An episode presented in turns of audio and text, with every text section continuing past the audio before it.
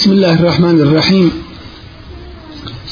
إن الحمد لله نحمده ونستعينه ونستغفره ونعوذ بالله من شرور أنفسنا وسيئات أعمالنا من يهده الله فلا مضل له ومن يضلل فلا هادي له وأشهد أن لا إله إلا الله وحده لا شريك له وأشهد أن محمدا عبده ورسوله أرسله الله بالحق بشيرا ونذيرا بين يدي الساعة من يطع الله ورسوله فقد رشد ومن يعص الله ورسوله فلا يضر إلا نفسه ولا يضر الله شيئا أما بعد فإن أصدق الحديث كتاب الله وخير الهدي هدي محمد صلى الله عليه وسلم وشر الأمور محدثاتها وكل محدثة بدعة وكل بدعة ضلالة ثم أما بعد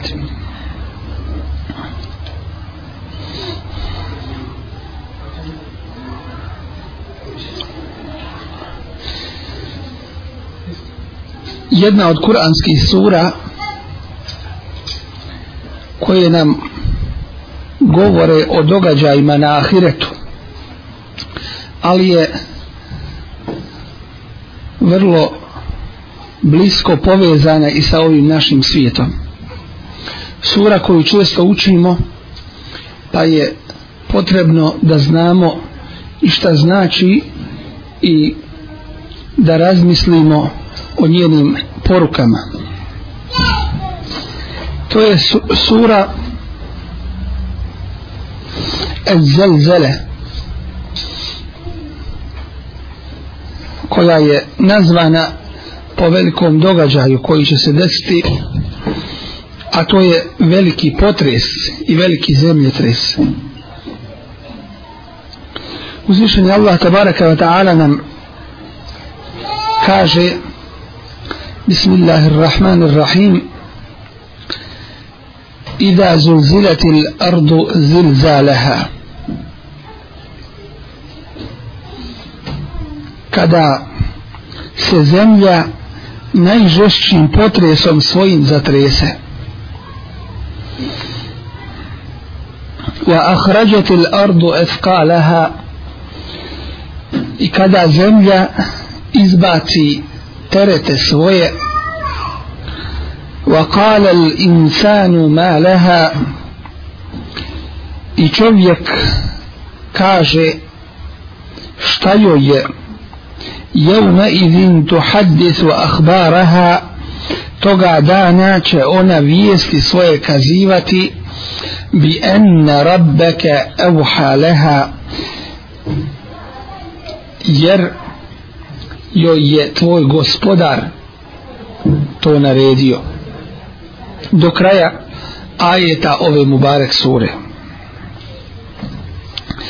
kaže nam uzvišeni Allah Ida zulzirat il ardu zirzaleha. Kada se zemlja svojim strašnim potresom zatrese. Ovdje se kaže kada se zatrese. A ne kaže se ako se zatrese. A to je i u našem jeziku razlika. Kada znači u jednom periodu kada se to desi. I to je sigurno, to u to nema nikakve sumnje. Znači, ako kažemo, ako to bude, znači možda će biti, a možda i neće. Ali ovdje uzvišan je Allah kaže i da, to jeste, sigurno će se to desiti. Ne može promašiti. Ne može promać. Kao što kaže na drugom mjestu ko se sjeća. I da džaje nasru Allahi u al-fatih. Kada dođe Allahova pomoć i pobjeda ne može doći pobjeda dok ne dođe Allahova pomoć Allahova pomoć će doći kada kada je ljudi zasluži kada zarade to jeste kada ljudi budu uradili po Allahovim zakonima i njegovim propisima ali ta sura koja suratun nasr idha jae nasrullahi suratun nasr isto se počinje kao i ova, a to je iza, kada, što znači u tu Allahovu pomoć i pobjedu, nema ni malo sumnje, sigurno će doći. Samo je kod nas pitanje kada će to biti, uzvišenje Allah nam je u pogledu toga rekao, in tansurullah i ansurku.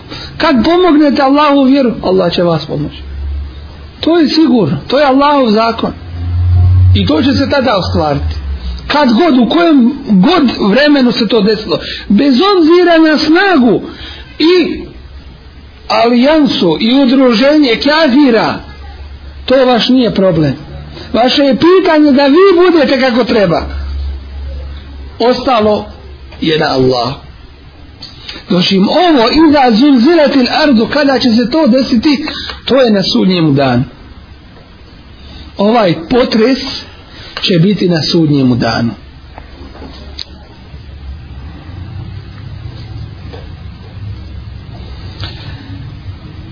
Sama riječ zulzilet znači potres. Znači zemljotres.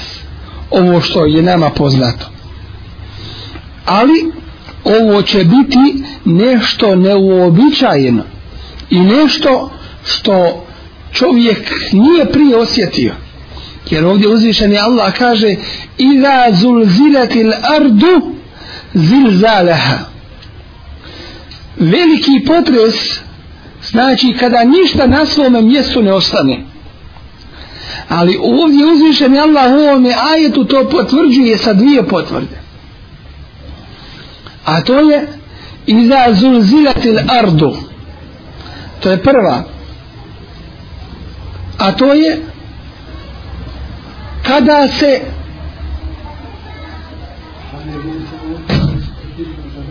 kada se uzdrma zemlja zil zaleha potresom kada se potrese potresom što znači da je to veliki potres ali se kaže zilzale a svojim potresom što znači da ništa na svome mjestu ostat neće sve će biti uzdrban i sudnji dan sekulet fi samavati wal ard težak je nebesima i zemlji sve će dakle sve će ostati uznemireno u tome, u tome trenutku wa akhrajatil ardu athqalaha i kada zemlja izbaci iz sebe svoje terete biće kao što kaže Ibn Abbas tumač Kur'ana bit će kad ga odozdo pokreni to jeste kada se zemlja odozdo pokrene i izdrma kad iz sebe mrtve izbaci ovakvo mišljenje zastupa više prijašnjih učenjaka to jeste da se pod ovim teretima koje u sebi izbaci nosi zemlja misli na mrtve i nema sumnje da se na prvom mjestu odnosi na mrtve jer uzvišeni Allah kaže fe mustakarun ve mustavda pa čovjek biva kada bude stvoren kako je opisano u Kur'an biva u dvije situacije jedna je mustakar a druga je mustevda da prevedemo šta znači mustakar to je mjesto u kome je smješten u majčinoj utrobi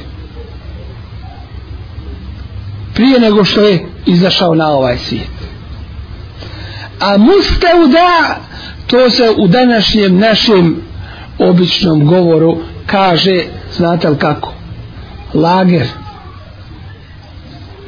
skladište. E to je zemlja u pogledu nas ljudi i naših tijela. Jedno skladište u koje se pohranjuju i mi kažemo pohranjuju i sahranjuju ljudska tijela. Dakle, ljudski je život između toga dvoga. هو الذي أنشأكم من نفس واحدة وزوشني الله هو تومي كاجة سبوميني on vas je stvorio od jedne osobe fe mustaqar wa mustavda pa vam je određeno mjesto gdje ćete biti prije vašeg dolaska na ovaj svijet to jeste u majčinu utrobi Uomuste u da i određeno vam je gdje ćete biti pohranjeni i sahranjeni do kijametskog dana. S drugim riječima, stvorio vas je pa je vaš život između toga dvoga.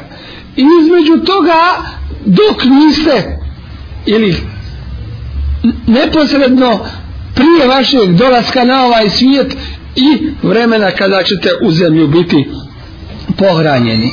To je kratkoća ovoga svijeta. Ukazuje nam Kur'an. Dakle, to je ljudski jedan život. Između toga u majčinoj utrobi i između toga kad bude u zemlju postavljen. Pa kada zemlja bude izbacila svoje terete, šta će izbaciti? Prije svega i najvažnije jesu u stvari ljudi. Oni koji će doći na sudnji dan da polažu račun za svoja dijela i to je u stvari ovo što kažu mu Fesiri u pogledu ajda kuranskog ahređatil ardu efkala i izbaci zemlja svoje svoje terete izbaciti ovdje uzvišenje Allah spominje i kaže kada zemlja izbaci ne kada budu izbačeni nego u ovom slučaju zemlja je ta koja nešto radi činilac radnje pa zemlja izbaci svoje terete kasnije nam uzvišen Allah pojašnjava kako i zašto to biva kaže bi enne rabbeke uhala po tome što je tvoj gospodar tako naredio, tako je nadahnuo, tako joj euha leha, vahij učinio.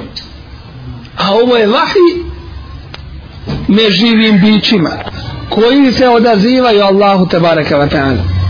Dakle, to je Allahovo davanje i ovo je jedna od vrsta vahja objave kao što kaže wa auha rabbuka ila nahli Allah je nadahnuo onu pčelu kako će tražiti puteve svoje i kako će imati svoju ulogu i funkciju na ovom svijetu tako će nadahnuti i zemlju to jeste narediti joj objavom i ona se tome mora odazvati tada drvo kamen progovara Dakle, zemlja će se odazvati Allahu te baraka ta'ala i iz sebe svoje terete izbaciti. A ti tereti jesu ko? Jesu u prvom redu ljudi koji će izlaziti iz svojih grobova kako nam kuranski ajeti opisuju jahruđuna minal eđdasi ke ennehum džaradom munteširi izlazit će iz svojih grobova kao da su skakavci raspršeni, jedan iza drugoga, na hiljade na milione, od prvog do posljednjeg, i niko zaboravljen neće biti. Svako. I niko neće ostati zaboravljen da ne bude proživljen i da ne odgovara za to šta je radio. Zašto? Jer će to biti dan proživljenja kada se spare duše wa idan nufusu zuwijat a to znate već je o tome bilo govora i kada se duše spare s kim se spare sa svojim tijelima doće u svoja tijela koja će već uzvišeni Allah dati da izrastu u jednome novom obliku u jednoj drugoj formi više ne ima smrti za ta tijela. Ako su džennetlije, vječno u džennetu. Ako su džehennemlije, vječno u džehennemu. A ima ona treća vrsta koja će odgoriti, pa će na kraju opet u, u džennet griješnici kojima Allah nije oprostio, a bilo su muslimani. Dakle, u tom smislu uzvišeni Allah tabaraka wa ta'ala nas upozorava na taj veliki događaj.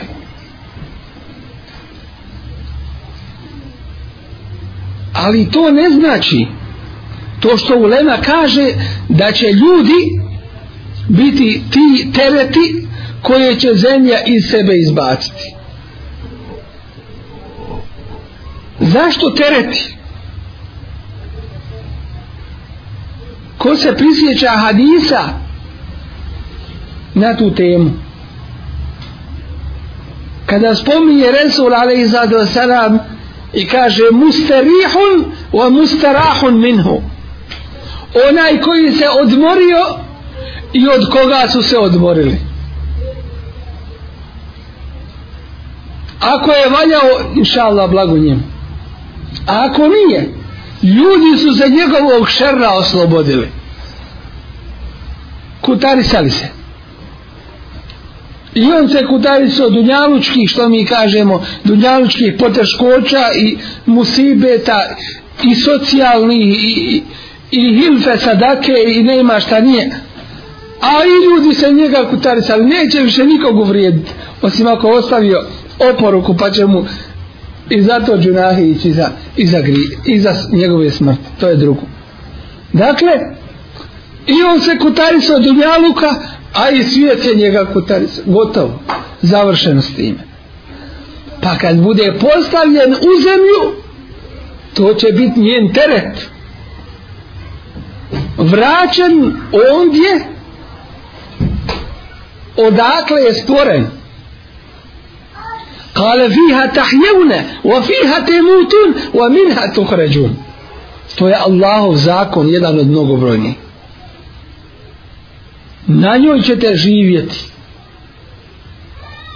minha halaknakum od nje smo vas mi stvorili wa fiha nu'idukum u nju ćemo vas mi ponovo vratiti wa minha nuhriđukum i iz zemlje ćemo vas mi ponovo izvesti tarate nuhra drugi put prvi put je ovo sad na dunjalu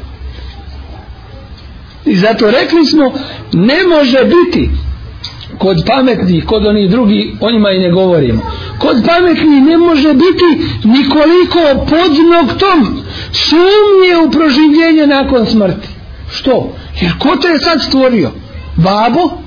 Nana? Dedo? Mati? Ko je? Allah uzvišen. Niko drugi nije bio pitan za to. Kakav ćeš biti, koliki ćeš biti, muško, žensko, vakav, nak, samo Allah uzvišen pokazao ti da te je stvorio i da je kadar to učiniti. I zar pametan može sada kazati, a kako će me to Allah proživjeti? Pa kako te je prvi put stvorio na dunjalu? Osim ako sumnjaš da i sad ne živiš, to onda takav nema, rekli smo, pameti, ako ne ima pameti, nema ni odgovornost. Pa takav onda nije ništa ni obavezan, onda nek jede i pije i gotovo, to je njegova vaziva dunjalučka. Dakle, ne može biti nema nikakve sumnje u to proživljenje ali kažemo to što ulema kaže da će zemlja izbaciti svoje terete i da su to mrtvi ne znači da nije ni teret i nije i nešto drugo i zato kad se tumači jedan ajet potrebno je da vidimo i druge ajete šta nam drugi ajeti o tome govore U ovom smislu kaže uzvišeni Allah tabaraka wa ta'ala Wa izel ardu muddet I kada se zemlja rastegne A kada će se to desiti? Zemlja će postati ravna La tera fiha iwa džen wala emta dobar da mu jezite sa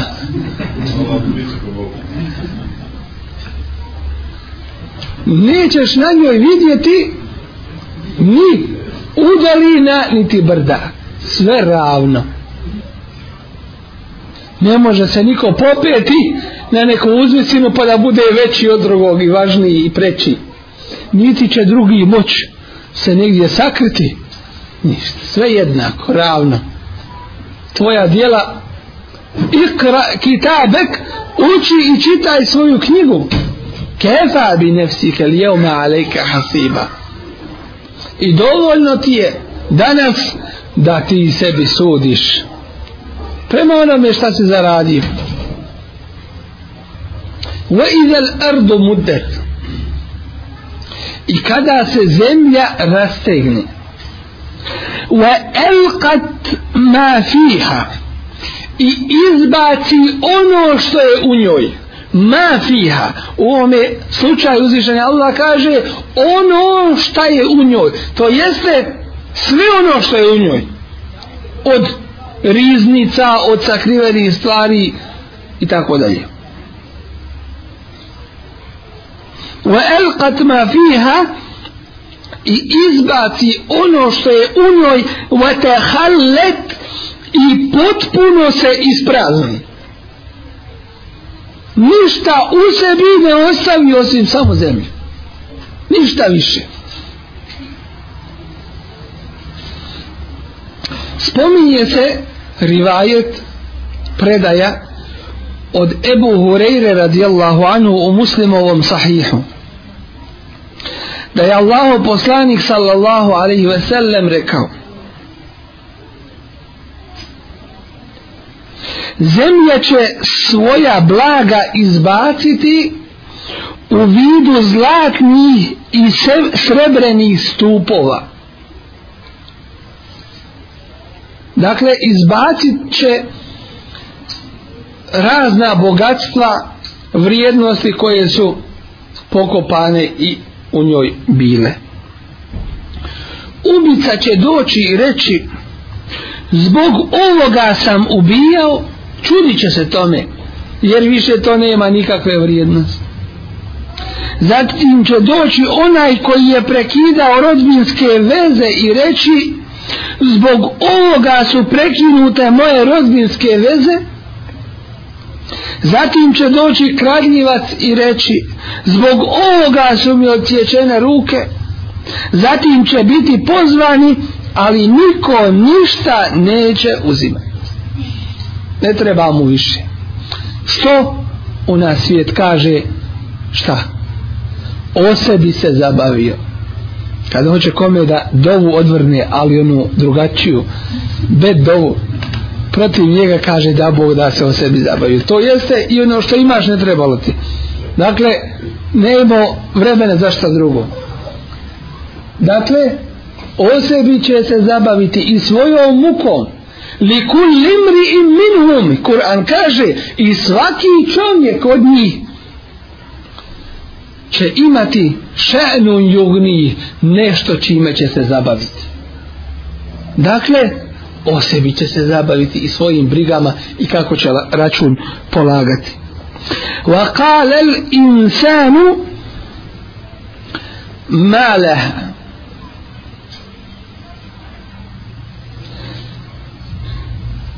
I kada kaže čovjek maleha, šta joj je?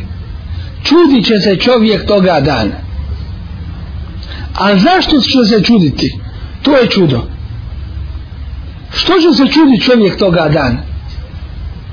Da se to desi na dunjaluku, pa bi se čovjek i čudio. Ali toga dana, kada vidi džine oko sebe, kada vidi koga? Koga? meleke, kada vidi mnogo toga što nije mogao biti na Dunjaluku, i ukaže se džennet, i ukaže se džehennem, šta je ostalo više da se čovjek čudi? Nema više ništa, nema više čuda. Doći im to jeste čudo za njega. Zašto? Nije čudo samo po sebi što se to dešava, jer će drvo, kamen govoriti, sve će svjedočiti. dočiti neko je čudo čovjeku to što se on tome nije nadao što će sada to počet kazivati nešto sve iz sebe izbacuje i zato ne možeš se sakriti a da uzvišeni Allah tabareka wa ta'ala nije uspostavio svjedoke i od nas samih i od ove zemlje po kojoj kročimo وقال الانسان i reći će čovjek koji čovjek svi ljudi čudit će se čudit će se tome šta se dešava sa tom zemljom nije rečeno koji čovjek nego uopšteno čovjek čudit će se nakon što je bila mirna i stabilna postala uznemirena zatim će iz svoje utrobe izbaciti sva ranije i kasnije pomrla tijela i sve riznice koje u njoj su bile. Je u neizin tu hadisu ahbaraha. Toga dana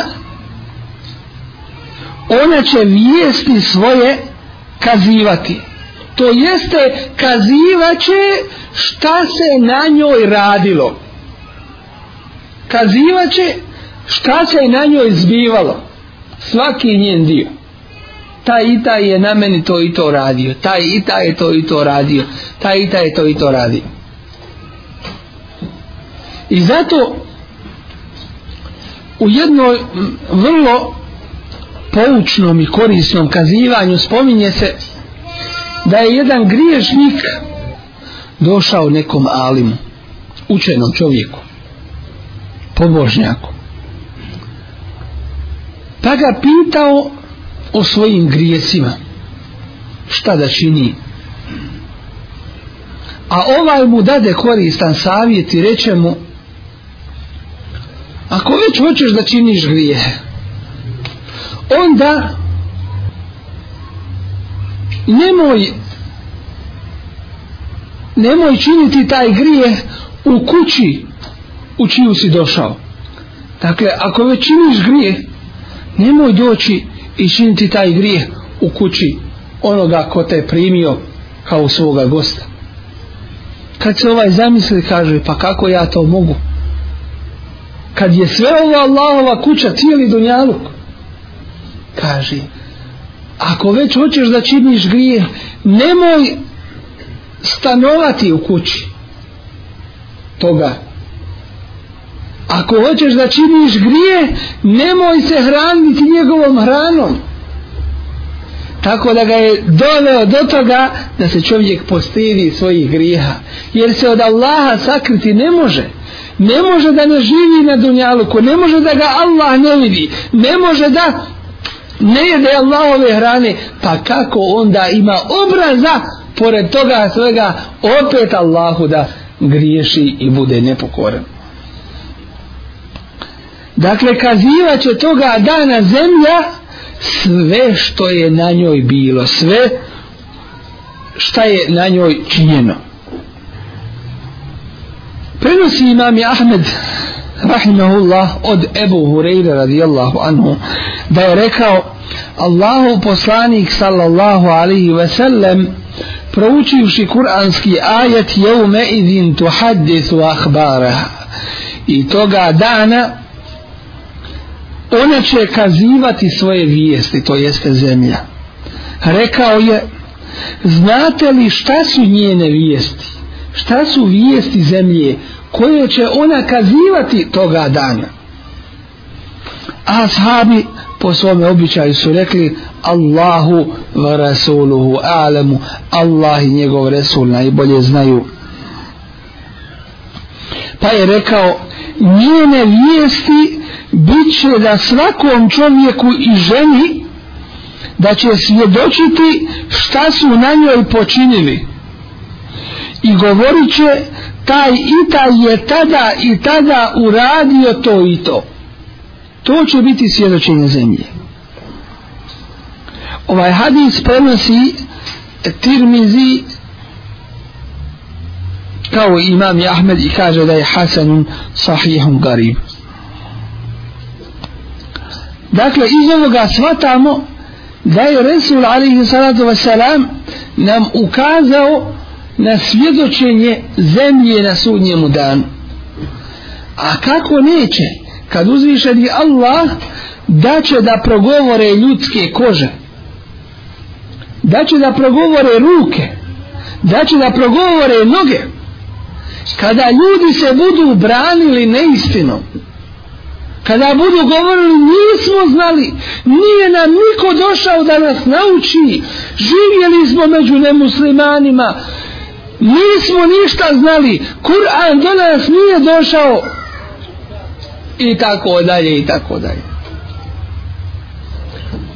uzvišeni Allah kaže el jeume nahkimu ala efuahihim danas ćemo mi zapečatiti njihova usta وتكلم نا ايديهم فاچه نام говорити njihove ruke وتشهد ارجلهم اسيدوچيچه njihove noge bima kanu jeksibun o onome šta su oni zaradili pa će se ljudi toga dana čuditi čudit će se da će njihove kože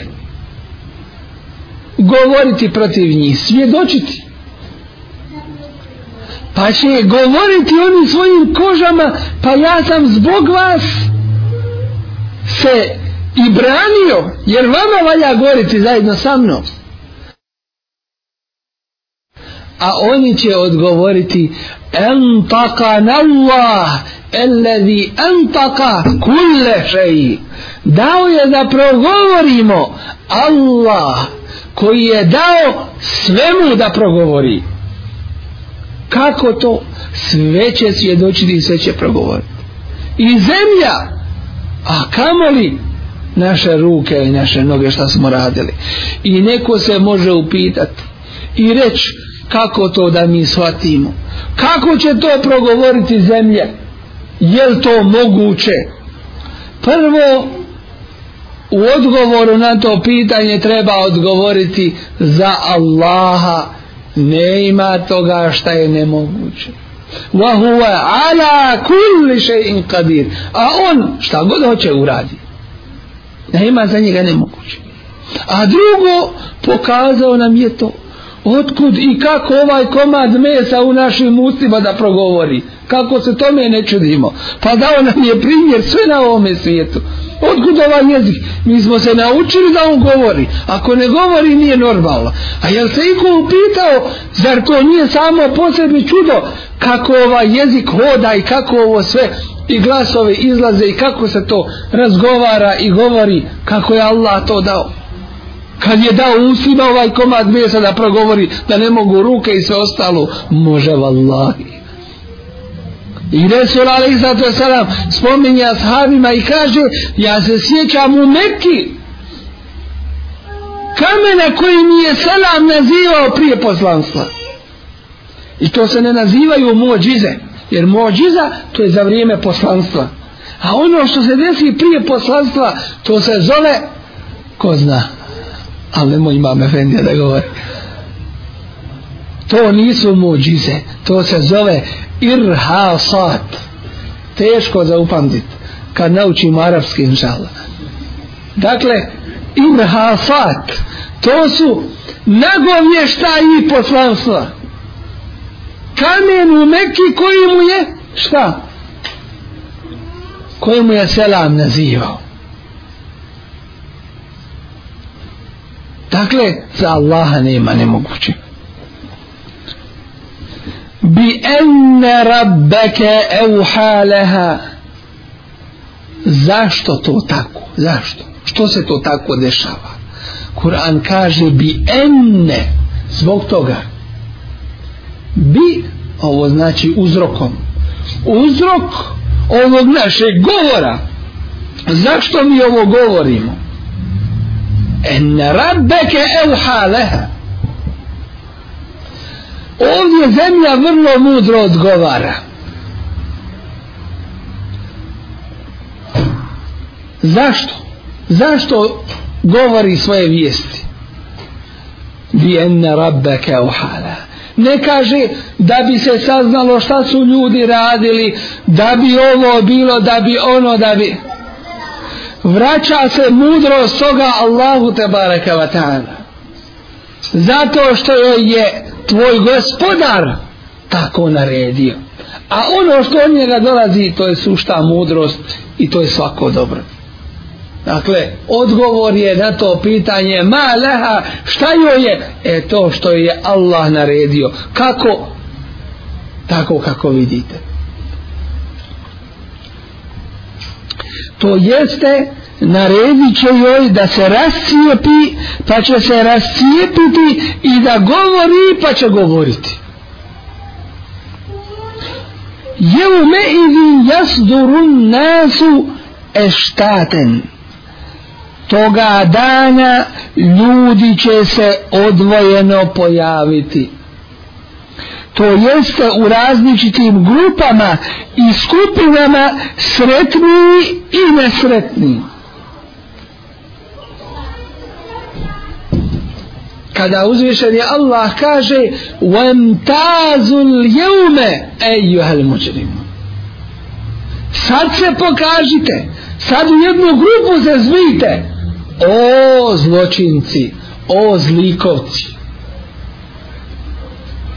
ovi koji ste druge narode tlačili ovi koji ste druge iskorištavali ovi koji ste zabranjivali Allahovu vjeru da se širi ovi koji ste nemoral među ljudima hvalili i uzdizali ovi koji ste za leđa Allahov zakon zbacili pa uzeli po svojim nahođenjima raditi i ljudima suditi.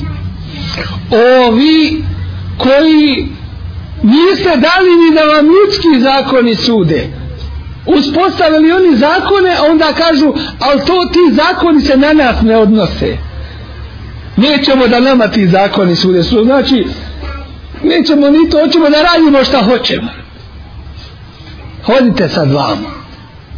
Allah ih poziva. Pokažite se sada. Gdje su vam sad snage i sile? Li yurau a'malahum da im se pokažu dijela njihova. Šta god se bude dešavalo na kijametskom danu, ljudi će poželjeti da to što prije prođe od velike muke a ne znaju da ono što iz toga slijedi je puno žešće i za njih puno gore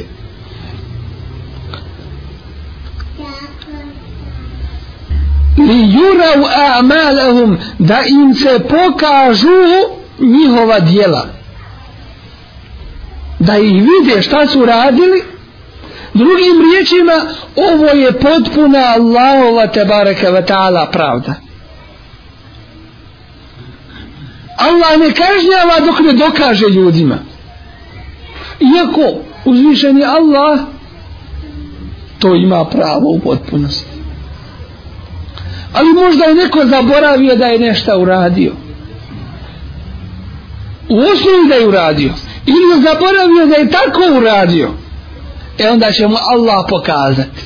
Tako da kada ga kazni, da ovaj sam kaže, e jesam vala krivo da ne pomisli što me Allah ovo kažnjava što li ovo meni se dešava na osnovu čega što li li jura malem prvo će ti pokazat evo vidi uvjeri se ahsahu lahu vanesuhu Allah je sve to pobilježio a oni su to i zaboravili davno ne zna šta su jučer radio a kamoli prije 5-10 godina i šta je bilo i kako je šta je bilo kad si išao u srednju školu znaš da si išao i završio i gotovo završeno šta je bilo dan za danom ispit za ispitom o godine su to mjeseci dani ma ništa upravo odšlo šta je bilo kad bi ti neko govorio ti bi rekao more biti ali ne znam E pokazat će ti Allah Li jureu da im se pokažu Da im se predstave njihova dijela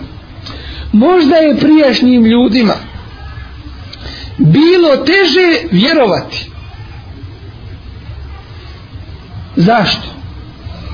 Jer možda je neko mogao pomisliti kako to. Ja vjerujem što mi je Allah tako rekao i gotovo. I to jeste najvažnije i najpreće i najžvršće iman. Ali kako generacija prolazi, Allah nam daje dokazom, dokaz za dokazom. Prije ljudi nisu mogli pomisliti da mogu na platnu gledati ono što se dešavalo prije godinu i dvije i prijeti deset. Danas možeš to gledati. Snimi se i gledaš na pladnu šta se razli, šta se dešavalo.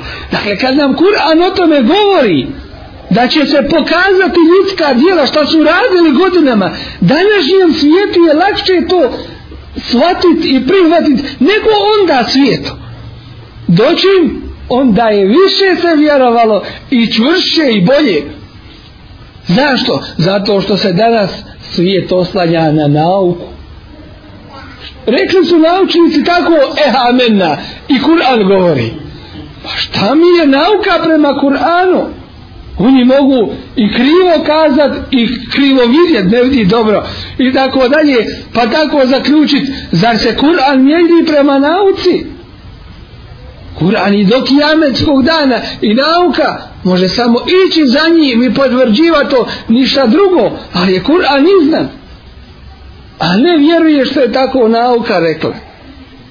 Ne, nego vjeruje što je tako Allah te bare gledala. Propise što ga vjeruje, a nauka neka je lijepo, ne ima smetnje. Ali mi nije nauka osnova ta.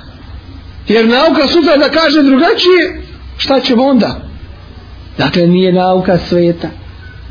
Nek ona može samo da potvrdi istinu, a ono što ne potvrdi istinu, pogriješla je, nek se preispita ponovo. To smo sigurni. Liurav a'malahum da bi im se pokazala njihova dijela radi potpune Allahove te bareke ve taala pravde. Femen ya'mal misqala dharratin khayran Da bi dobar dobrim nagrađen bio a loš onim što je zaslužio hel džezaul ihsani illa ihsan ima li druge nagrade za dobročinstvo osim dobročinstva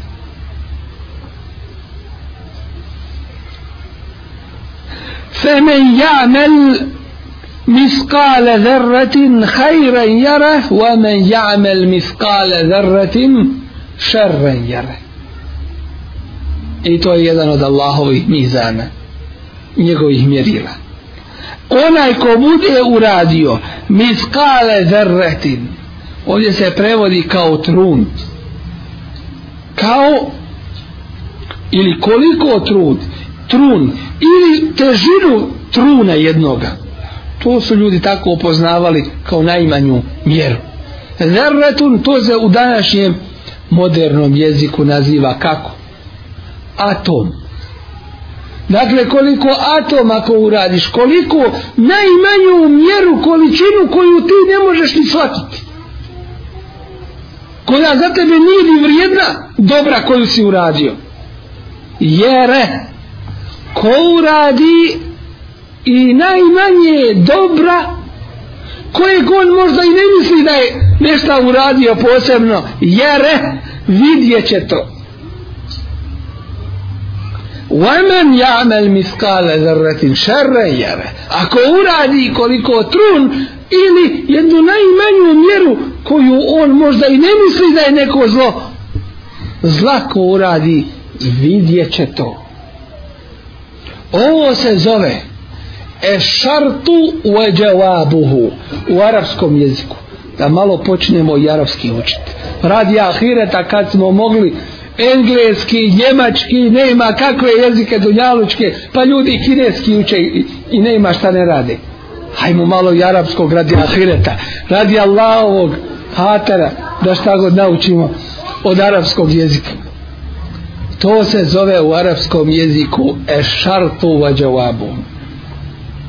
Ali nećemo dugo da, da ne bude teško. A to je uslov i njegov odgovor, kako bi se reklo. U našem jeziku lakše da kažemo. To znači, ko uradi to, vidjet će ga. Drugim riječima, kad se ostvari to da ti uradiš neko dijelo, neka znaš da ćeš ga vidjeti.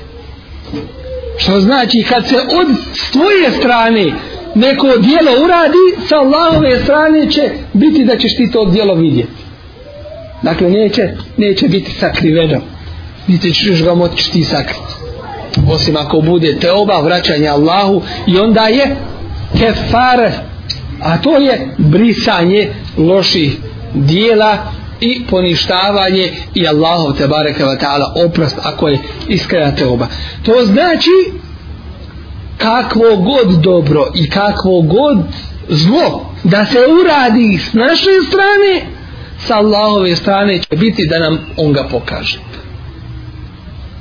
dovoljno je čovjeku muke to samo po sebi da se pokaže sve šta si radio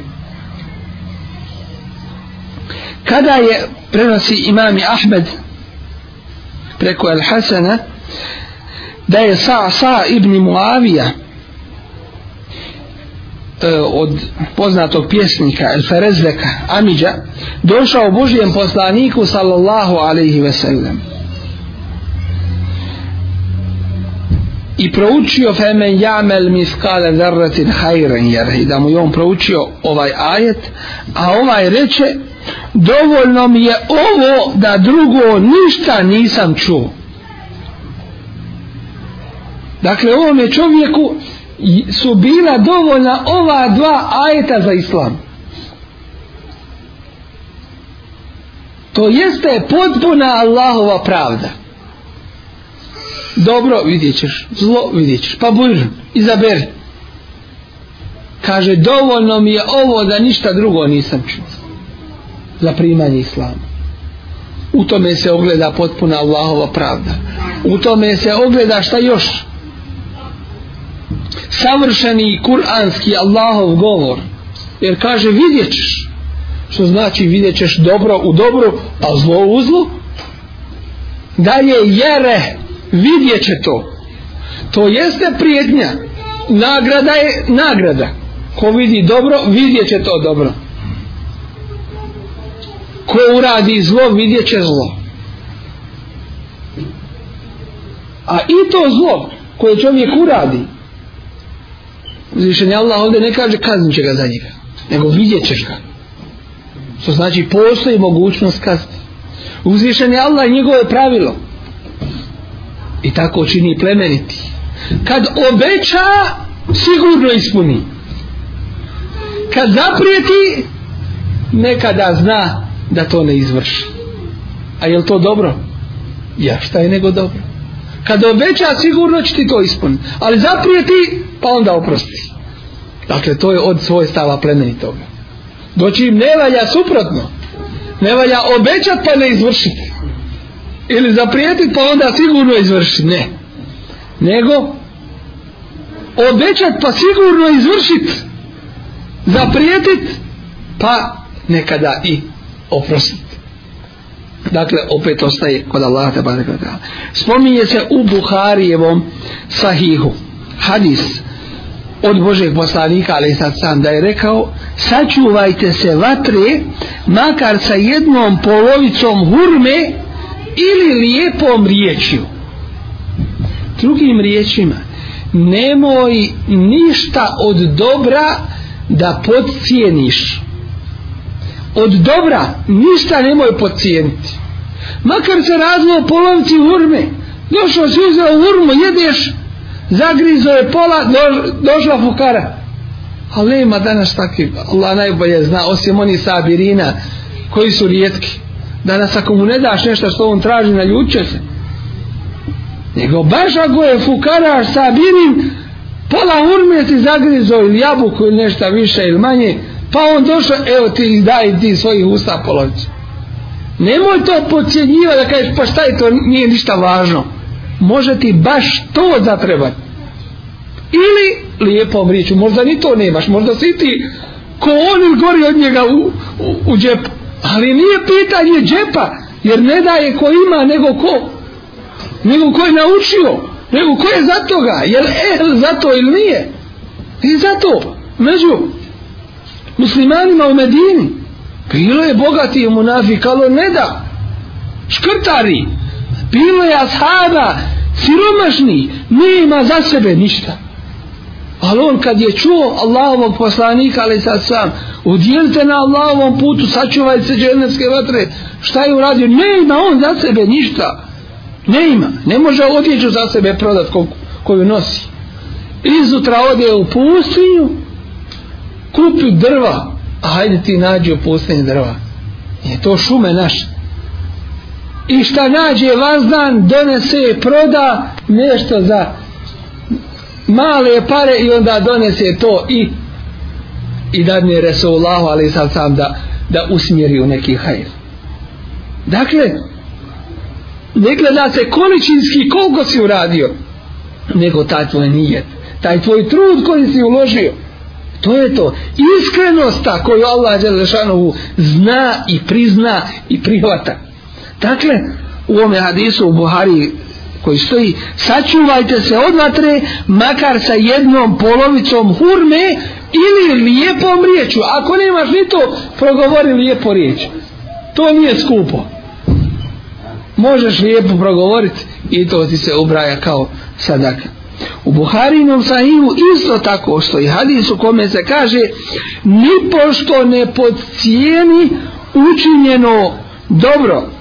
Ma koliko sitno bilo, makar da isprazniš vodi u sud onoga ko traži vodu.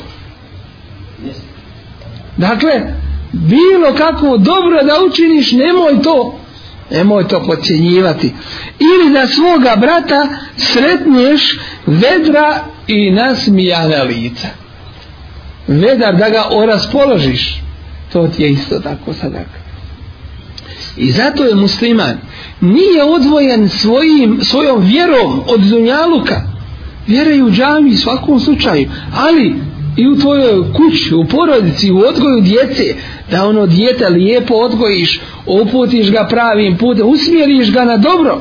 Neka dođeš u kuću da si ko komesar, ko general, žandarmerija, pa ovako, nago, mora da zluža. I šta će udo djete? Mora. Ali živi pod presijom, živi pod nekim strahom. Isto tako. Ne kažemo opet da se na vrat popne ili drugim riječima da uzme fursat pa da radi šta hoće ima i tome granica ali da znaš terbijet da znaš usmjeriti djecu i to je islam da znaš islam u svojoj kući među svojom porodicom da uspostaviš da nije kad sjede se za kavu e, ti počni od žena a ja ću od ljudi pa da vidimo dok ćemo se sreći ko je kakav i onda se ne daj Bože, počinje sa gibetom i tako dalje, to nema ništa sa islamom. I u svemu ostalom. Tu uzvišeni Allah daje bereket u takvu kuću. Ne po količini imetka, nego sreća i bereket je u Allahovom zadovoljstvu ono što si sa halalom zaradio, ono u čemu ima Allahovog haka, ono u čemu ima sirotinskog, tvoga dječjeg, ženinog i tako rodbinskog, roditeljskog, dakle podmirio si koliko si u mogućnosti, ne traži se količinski puno, koliko se traži da ti imaš svačiji udio, svaki hak da ima u tome, lijepom riječju i tako dalje, i tako dalje u svemu. Isto tako u sahaj hadisu vjerodostojnom stoji o žene vjernice. Ne čuju nek sa žene, ali čuše možda preko kasete, inšala. O žene vjernice, neka ni pošto komšinica ne podcijenjuje pruženu pomoć od svoje komšinice. Makar to bio ovčiji papak. Ovi moderni, novi, ne znaju šta je to možda mlađi. Znaju stariji papa koči. Yes. To je to. Dakle, ono što, zašto ćeš to? Ali nemoj ništa potijeniti. Donese ti to, nemoj vidi. U našem svijetu običaj je da se kaže poklonjenom konju ne gleda se u zube. Znači, odmah si mu pocijenio ono što ti daje. I da je njemu valjalo, ne bi meni dao i, ili njemu ne treba pa hoće da se meni kutarče i tako da to je gore jer si ga ogibetio ne smije tako biti dakle bilo kako dobro da učiniš ili u drugim adinsima se spominje ako čurbu praviš nasu malo više vode pa onda alaikum sala pa i onda i svome komži odnesi voda ko voda ali pomiješat će se pa i te malo manje maznoće lakši ćeš biti Amle, danas kupuju tablete da, da smanje troškove tijela i tako dalje. Ne valja ni kad je puno masnoće, onda čovjek se uspali pa nije ni zašta. Dakle, dakle, svako je dobro u tome. Nemoj nikako dobro ti pocijeniti koje možeš da uradiš, a da ga ne uradiš. Lijepa riječ, nasihat, neko ne osjeti pažnju od tebe to je sve hajr nemoj to nimalo pocijenjivati Imam Jahmed prenosio da iša radi Allah ona da je Allah poslanik ali sad sam rekao a iša nipošto ne pocijeni sitne grijehe i za njih će neko pred Allahom tražiti svoje pravo a imam Jahmed prenosio da Abdullah ibn Masuda da je Allah poslanik ali sam sam rekao čuvajte se pocijenjivanja sitnih grijeha oni se nagomilavaju dok čovjeka ne unište dakle nije se pocijenjivati kako alaikum salam rahmat nije se za pocijenit kako ono dobro pa da ga ostaviš ne daj Bože nego uradi ono dobro može ti baš to zatrebati valjati a Boga mi nije se pocijeniti ni ono zlo koje ako se namnoži i ako ga puno bude može čovjeka uništiti i zato ništa se od dobra ne ostavlja koliko god ono u našim očima malo bilo a to je kod Allaha veliko jer nije ti je važan taj koji učiniš usto i drugo pitanje jeste isto tako u pogledu zla nemoj ni zlo pocijenjivati da kažeš ovo je sitno ovo nije značajno pa mogu ja ovo urati ima veći grija ili drugi igore rade grije možete to na zlo veliko drugo navesti dakle ova nam sura govori o događajima na budućem svijetu ali u svakom slučaju ahiret je povezan sa dunjalukom ne može se jedno od drugog ne može se jedno od drugog odvojiti. Dakle, sve ovo vezano je za naš ovaj svijet. Kako budemo radili na dunjaluku, tako će nam tako će nam biti kod Allaha te barek va ta'ala na ahiretu. Ništa od dobra nemojmo pocijenjivati. I budimo svjesni ovoga. Nek se svako od nas zapita i dobro razmisli kako je i kako će biti kada svi ovo dočekamo. Sad je lako slušati u rahatluku sad se nada završio se ders pa ćemo klanjati akšam pa otići kući pa klanjati jaciju kad bude opet pa onda ili kao opet rad sve ovo istina prihvataš ali nije kao kad to vidiš svojim očima onda će biti drugačiji sjetit ćeš se ovoga vremena a ti si još na dunjaluku i ti još možeš uraditi dobra Znači, ovo ozbiljno shvati i svako od nas treba da tako uradi, kao da si već došao na taj dan, kada se zemlja potrese i kada zemlja i sebe svoje terete izbaci i kada čovjek kaže šta joj je toga dana ona će svoje vijesti kazivati zato što je Allah tako naredio toga dana ljudi će se odvojeno pojaviti da im se pokažu dijela njihova i onaj ko učini koliko trun dobra vidjet će ga a onaj ko učini koliko trun zla vidjet će ga dakle da smo ovih značenja svjesni sada da smo na Dunjaluku mi ovo ne kazujemo da bismo se zabavili da bismo samo pričali da bismo vrijeme potrošili ili da bi se neko uhljebio ovim Bože sačuvaj. Nego se kazuje da bi nam bila pouka kad smo je na ahiretu, gotovo je, u ovo će vjerovati najveći kafir na kijameskom danu, ali mu to više neće koristiti. Nego govorimo, ne da bismo znali i da bismo sutra samo rekli kad nam neko kaže znaš li ti to, znam javala. Nemoj mi, niko mi više ne treba govoriti, ja znam. Ne. Ne ovo ne učimo samo radi znanja nego i radi znanja i radi prihvatanja i, i našeg usmjeravanja u ostatku našeg života naših dobrih dijela jer ovo je pitanje propasti ili uspjeha trećega ne ima popravnog ispita na ahiretu mi smo toga svjesni samo koliko ne ima ne ima popravnog ispita na ahiretu neki će tražiti rabirđiuni la alli amalu salih gospodaru moj vrati me na dunjalog to je hoće popravni ponovo da ide na isti nema više la alli amalu salih da bi ja možda dobra djela uradio fima terekonome što me je prošlo odgovor Allahov je kella nikako ni pošto ne može data ti je prilika gotova više I zato to je osnovna razlika između mu'mina i onoga ko ne vjeruje. Što mu'min vjernik vjeruje Allahu, a nije ga vidio. Vjeruje sve što mu je Allah rekao i prihvata to. To će im nevjernik neće dok ne vidi dok ne vidi svojim očima. A kad vidi svojim očima, tada mu više neće korist.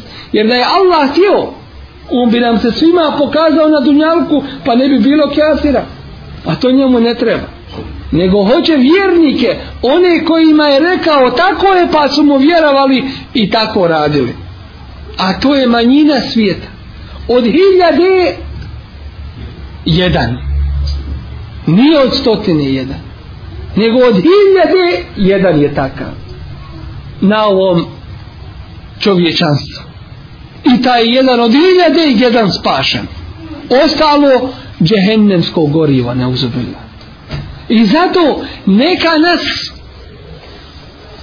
ne zavarava mnoštvo onoga što ne valja ni malo onoga što valja već moramo biti svjesni da će svak za sebe odgovarati a neće za drugoga tebi neće biti opravdanje šta je onaj i peti i deseti šta su radili nego šta si ti radio i jesi li uradio ono što si bio dužan i obavezan da učiniš to je tvoja obaveza i odgovornost za koju ćeš ti biti pitan dakle ovo su ti ajeti iz sure Zelzele koji nam govore o ahiretu ali svakako o dunjaluku ne o ahiretu da bismo samo saznali gotovo već da bismo se za to pripremili u ostatku našeg života i nek mlađi se ne okreću oko sebe da kažu Elhamdulillah ima stari, nisam stari niti stari da kažu Elhamdulillah ja sam proživio, može mi Allah još da to voliko da proživim,